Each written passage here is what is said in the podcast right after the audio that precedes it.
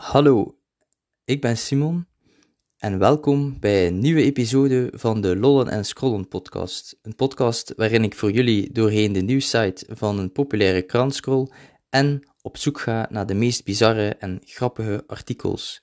Deze artikels lees ik dan kort voor, waarna ik ook even mijn eigen visie erop loslaat. Ik heb ook vandaag terug een aantal artikels voor jullie geselecteerd, maar vooraleer we daar naar overgaan, wil ik de mensen die de eerste podcast van Lollen en Scrollen beluisterd hebben, bedanken. Uh, ik heb gehoord dat er uh, sommige mensen de podcast geluisterd hebben op weg naar het werk. Het zij in de auto, het zij op de fiets. Um, ja, alles is heel uh, hard bedankt daarvoor. En ja, ik hoop dat ik ja, jullie toch een beetje amusement heb bezorgd in die tijd. En ja, ga proberen mijn best te doen om nog meer podcasts te maken.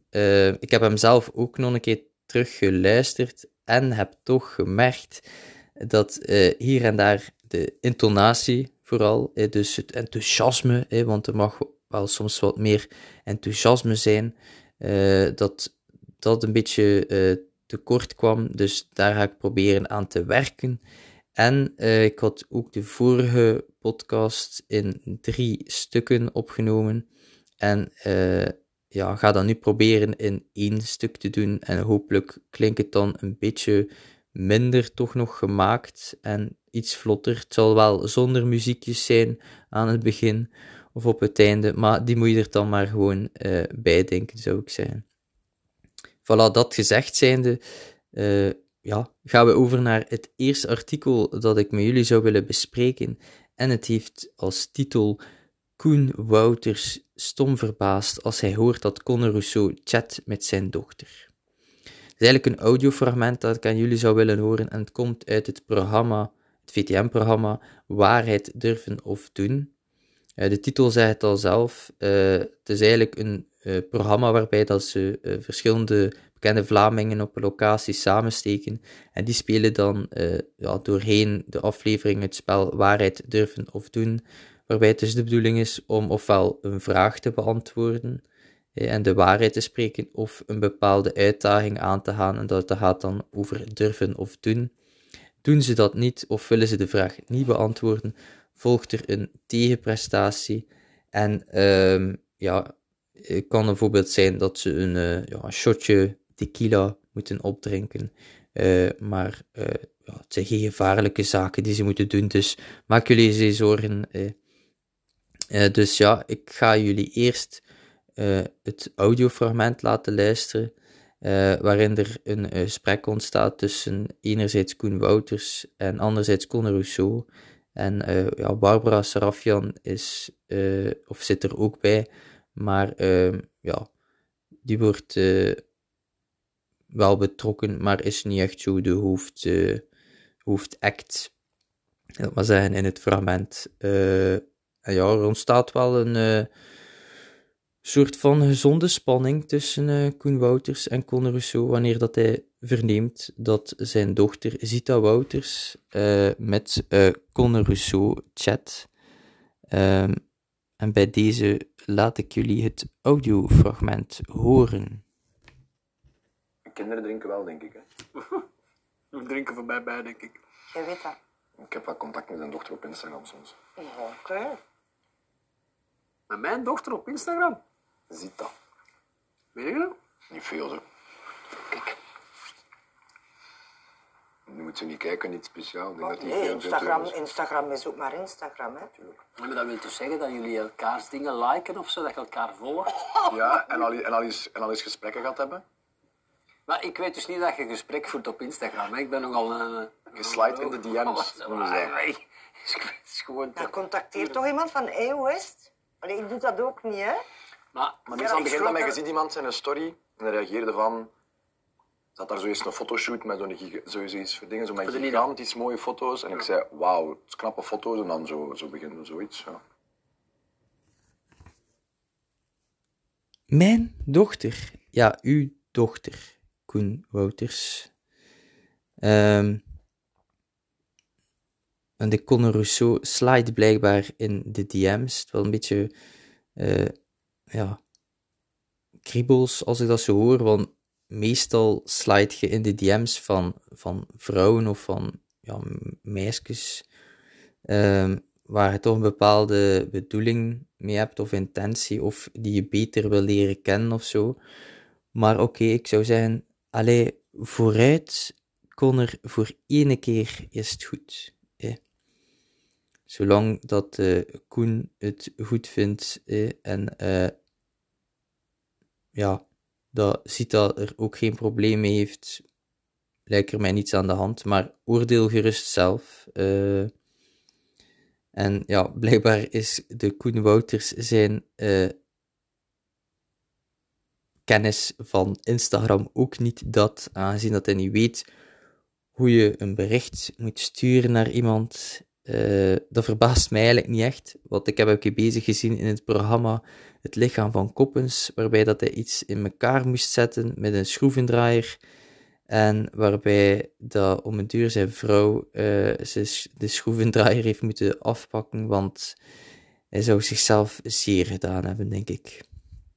Het enige waar dat Koen Wouters misschien wel moet mee opletten, is dat uh, onze Conor Rousseau van de partij Vooruit een beetje de gewoonte heeft uh, van naamsveranderingen door te voeren. Dus wie weet op termijn eh, laat hij de naam veranderen van Wouters in uh, Rousseau. Of nog erger. Eh, dus laat hij de naam van Sita Wouters, ik maar zeggen, veranderen in Rousseau. Dus dan wordt dat Zita Rousseau. Of, nog erger, zoals ik zei, laat hij Clouseau veranderen in Rousseau. En wilt hij mee op tour? Ah, dat zou nog een keer wat zijn. Maar uh, ja, zoals gezegd, er is een gezonde spanning waar te nemen. Maar kijk, ja, oordeel zelf. Het tweede artikel dat ik had gevonden luidt Duits gezin vergeet zoon, 11 jaar, na toiletpauze langs de snelweg. Er zijn misschien mensen dat het artikel hebben gelezen, maar voor de mensen die het niet gelezen hebben. Een uh, familie uit Duitsland is na een plaspauze langs de Duitse snelweg afgelopen zaterdag weggereden zonder het oudste kind mee te nemen. De ouders kwamen pas na 50 kilometer achter hun vergissing. Zo meldt de Duitse krant Stern. Het was dan nog het jongste kind in de auto die op dat moment vroeg: Waar is mijn grote broer? En vervolgens heeft dan die vader heeft dan de snelwegpolitie gecontacteerd, uh, aangezien ze in file stonden uh, en ze niet direct weg konden. Uh, ja, de vader kon zich de naam van de parkeerplaats aan de telefoon niet herinneren, maar op basis van het signalement reden de agenten toch naar de juiste plek, 50 kilometer verderop. Ik herhaal nog een keer, 50 kilometer verderop. En uh, daar zat de 11-jarige jongen volgens de politie geduldig uh, te wachten. En ik vraag me trouwens af of dat de vader de naam van zijn zoon nog wist, want dat zou mij ook niets verwonderen, maar uh, ja. De agenten hebben dan de jongeman terug naar het politiebureau gebracht en daar konden vader en zoon elkaar blij en dankbaar omhelzen, al tussen de ambtenaren. En vervolgens kon het hele gezin de reis voortzetten. Het zal uh, een topvakantie zijn geweest en uh, de jongen zal zich heel welkom gevoeld hebben op vakantie. Uh, als je kijkt naar de comments uh, onder het artikel, zijn er veel mensen stom verbaasd hoe dat die pas allee, kan doorhebben na 50 kilometer dat een van zijn kinderen er niet in zit. Uh, en ze stellen zich vragen als, rijdt die man in een limousine of zo? Uh, waarbij dat, als je in je achteruitkijkspiegel kijkt, misschien je kinderen niet ziet zitten, of dat er een automatisch ruitje, tussenscherm, dergelijke, tussen uh, de voorkant van de auto en de achterkant zit of zo. Want anders lijkt mij dat inderdaad ook raar dat je zomaar je kind vergeet. Maar zwart. Of het moeten echt zeer brave kinderen zijn, want aangezien dat hij pas na 50 kilometer door heeft, ja, ze moeten toch niet zoveel lawaai gemaakt hebben in die auto, wat dat wij wel bijvoorbeeld vroeger veel deden. En dan ja, gingen we soms aan de kant van de weg stoppen en kregen we een preek dat we stiller moesten zijn of dat we ja, ja, achtergelaten werden aan het tankstation misschien. Nee, nee, nee, het is niet waar. Maar allee, we waren toch niet zo kalm, denk ik, als die uh, kinderen. Uh, ik stel me ook de vraag wat dat volgende is, dat hij misschien zou vergeten zijn vrouw of dergelijke. Want er bestaat zo wel iets, en dat was ook een artikel, uh, en dat is het Homer-Simpson-syndroom. En dat houdt eigenlijk in dat je als mens iets bewust kunt vergeten. Dus dat zou in deze ook wel eigenlijk mogelijk kunnen zijn. Dat hij bewustzijn zo'n vergeten heeft. Dat hij denkt, dammit, moest die andere dan nu zijn, de ander kind. Maar eh, zijn maar speculaties. Simon, eh, we weten niet zeker. Um, dan zijn we eigenlijk al aangekomen bij het laatste fragment. En dat is eigenlijk uh, van een uh, Tesla. Uh, we zien daarbij eigenlijk ja, een, uh, een man die met de zelfrijdende Tesla rijdt. Maar hij merkt op een gegeven moment toch iets op. Want de auto rijdt op een snelweg, maar hij begint alsmaar te verminderen in snelheid. En ja, hoewel eigenlijk die baan helemaal leeg is, eh, wat dat dus raar is daaraan, uh, maar wat dat er dan opvalt, uh, is dat eigenlijk de maan is die ervoor zorgt dat de auto trager begint te rijden, want de auto dus die Tesla, die ziet die maan eigenlijk aan als een soort van verkeerslicht. En dat komt eigenlijk vooral doordat de maan op die avond blijkbaar zeer laag stond en een, een oranje kleur afgeeft. En uh, ja, daardoor uh, remt de auto af en uh, komt hij uiteindelijk ook tot stilstand. Dat deed mij eigenlijk een beetje denken het, het zien van de maan als een stoplicht aan die mop over domme blondjes. En sorry voor de mensen die blond zijn onder ons. Maar ik moet hem toch even rap vertellen. Dus het zijn twee domme blondjes en die lopen in een straat. En uh, er is discussie, ze kijken naar boven en de een zegt van, ah kijk, de, de zon, zegt het andere domme blondje, maar nee, dat is de zon niet, dat is de maan, maar nee, dat, dat, dat is de maan niet, dat is de zon. Alleen zeggen ze, ah ja, uh, weet je wat, we, we gaan hier wat verder bij, de, bij het huis dat we tegenkomen, het eerste huis dat we tegenkomen, gaan we het gaan vragen. Ah, dat is goed, zeggen ze.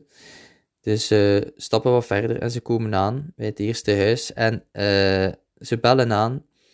En tot hun verbazing doet er ook een domblondje open.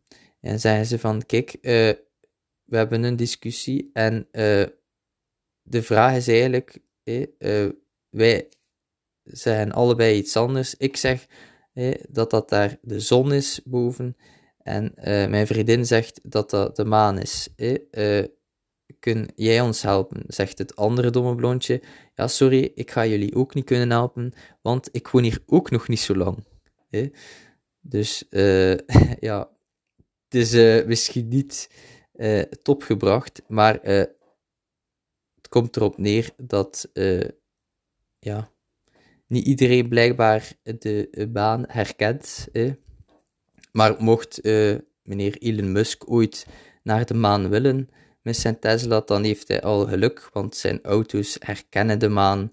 Dus dat is al een goed begin. Voilà.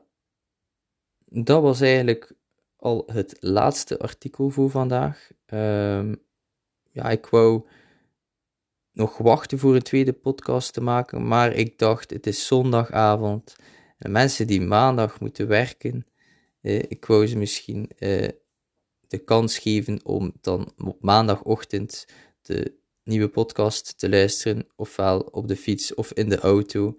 Uh, en bij deze, ja, dacht ik van waarom dit niet deze avond nog opnemen. wil je allemaal bedanken eh, om te luisteren. Eh, ik hoop dat jullie ervan genoten hebben. En eh, tot de volgende.